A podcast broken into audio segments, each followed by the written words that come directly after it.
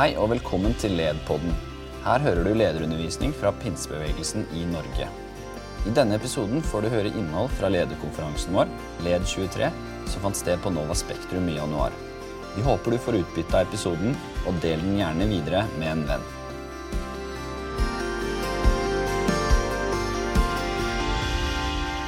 Jo, takk, takk, takk. takk.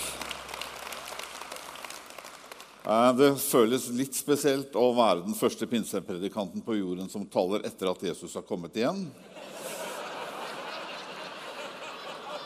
Va vanligvis så pleier jeg å si det, det er fint å være her, men jeg er ikke helt sikker.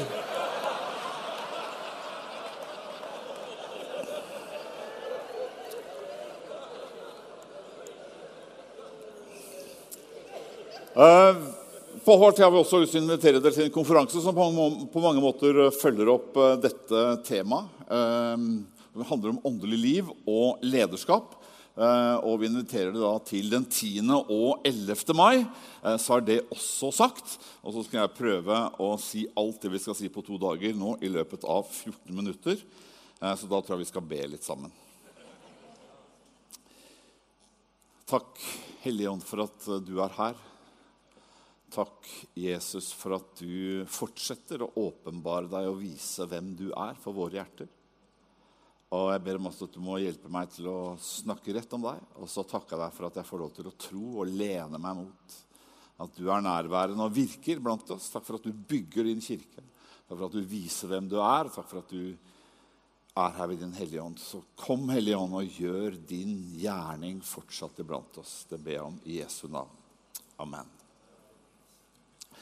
Jeg eh, skal, eh, og det står også i heftet jeg har fått, starte med dette spørsmålet.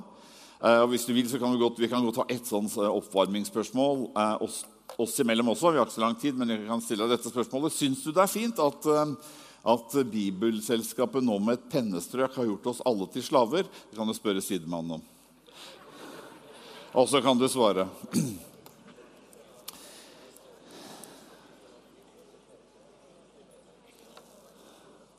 Men eh, spørsmålet er finnes det en gjestfri karismatikk, og hvorfor er dette spørsmålet viktig? Jeg var litt usikker på om jeg skulle formulere det så sterkt. Men uh, i de siste 25 årene så har jeg vært med både i pinsebevegelsen, men også lokalt med en egen kirke i Philadelphia Oslo gjennom å være involvert i det som uh, for en stund siden het Intro, nå heter Puls.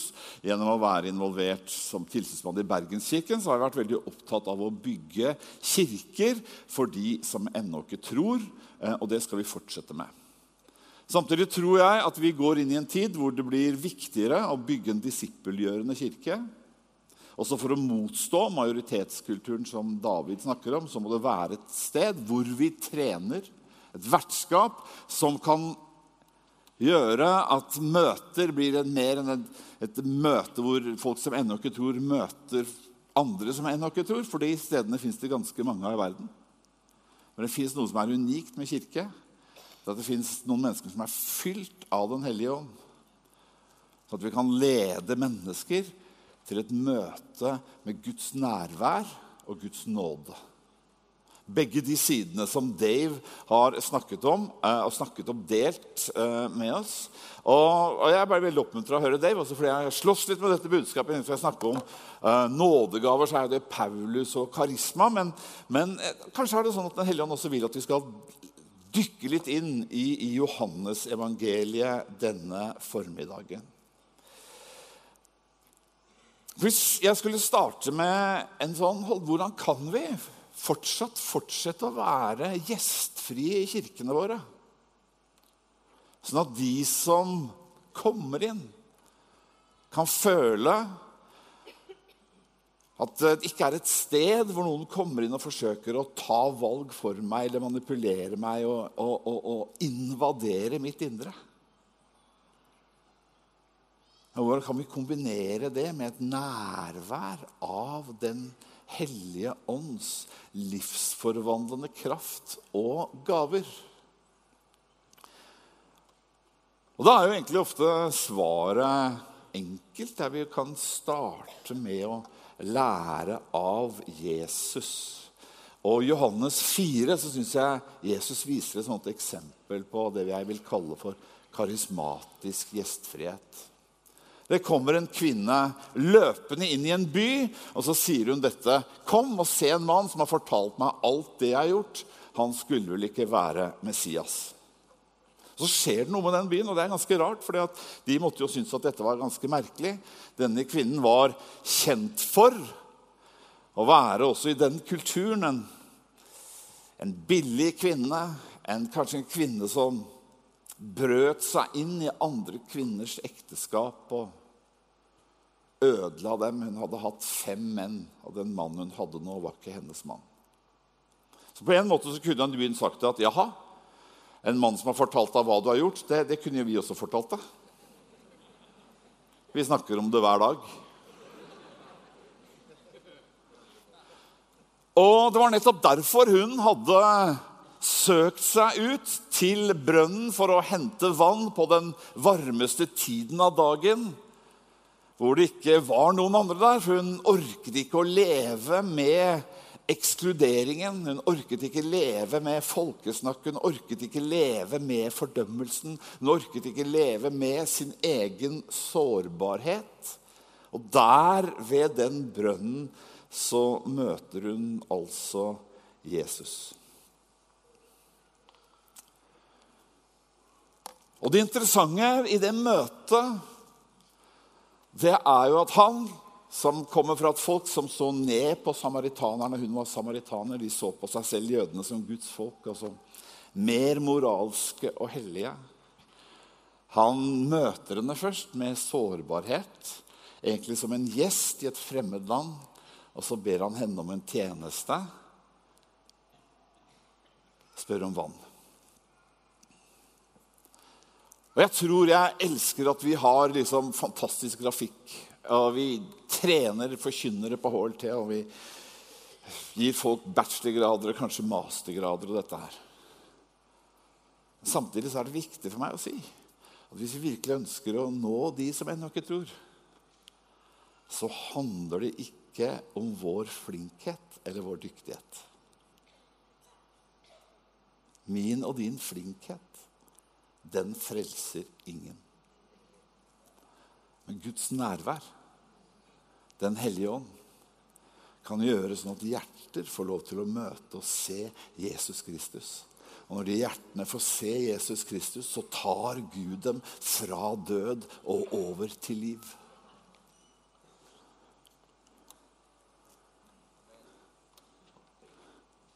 Derfor handler også veldig mye av det som vi egentlig hørte Dave tale om.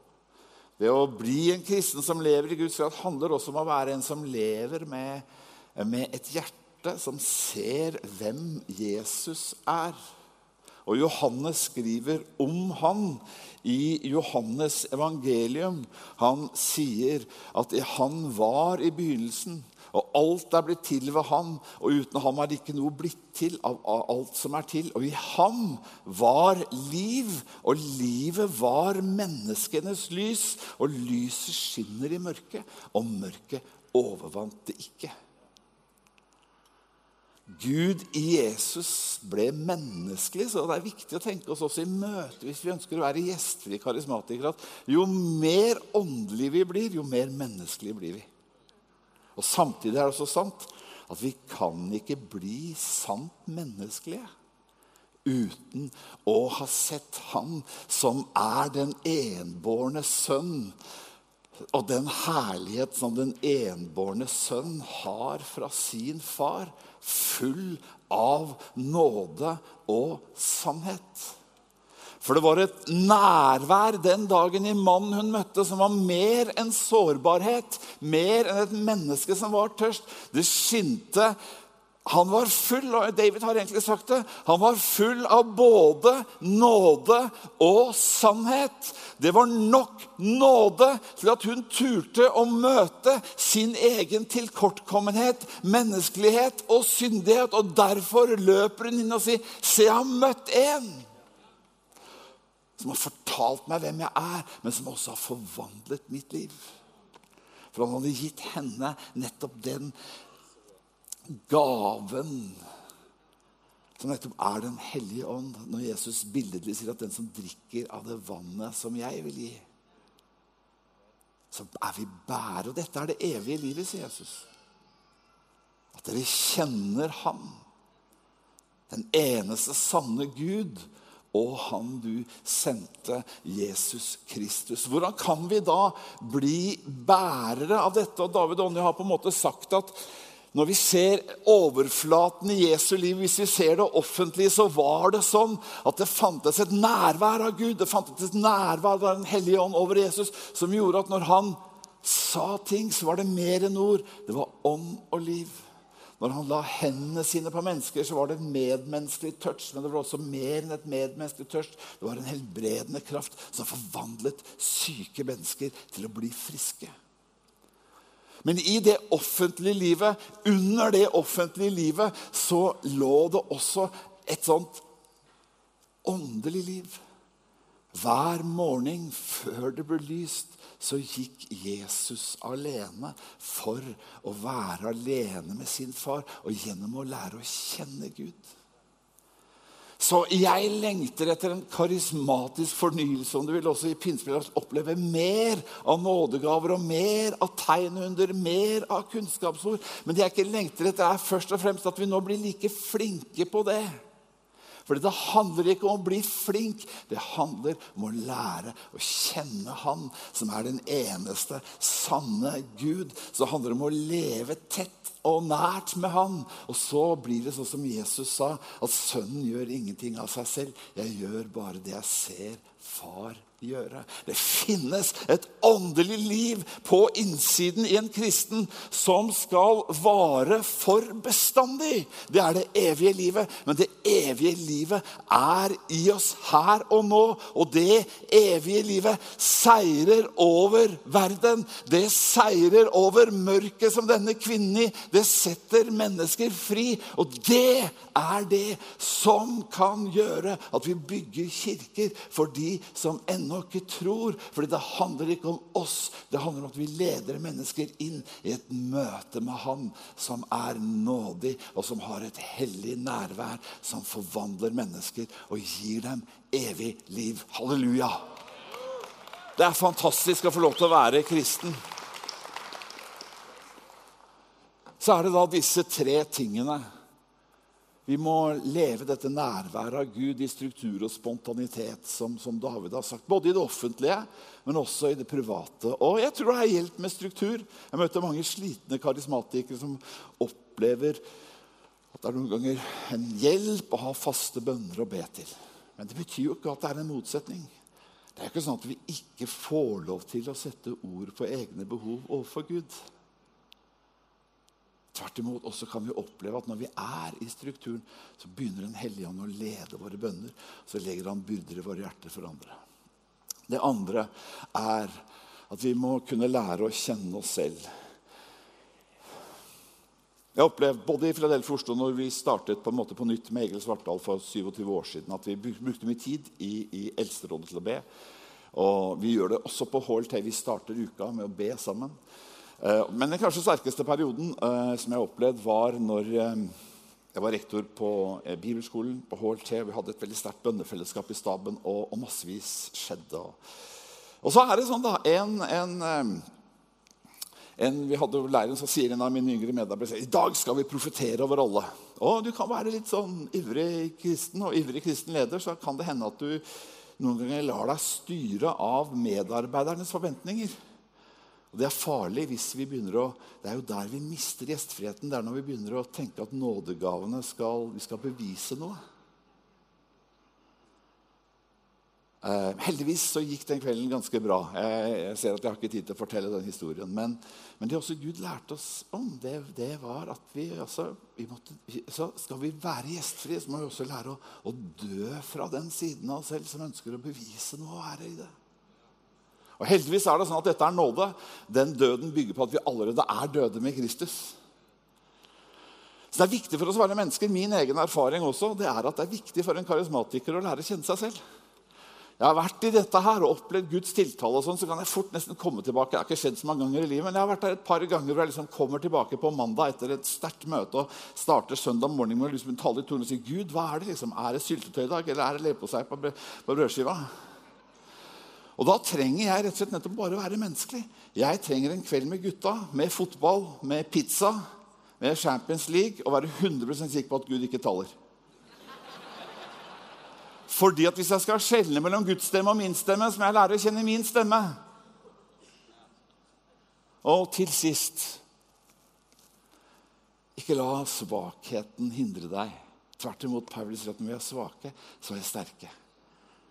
Ånden tar alltid bort svakheten, men han kommer oss til hjelp i vår svakhet. Så Hvis vi da våger å handle i tro ut fra at vi kjenner Gud så vil Gud åpenbare seg også. og Da fikk, blir det litt Paulus her på slutten. Det er forskjellige kraftige virkninger, men Gud er den samme.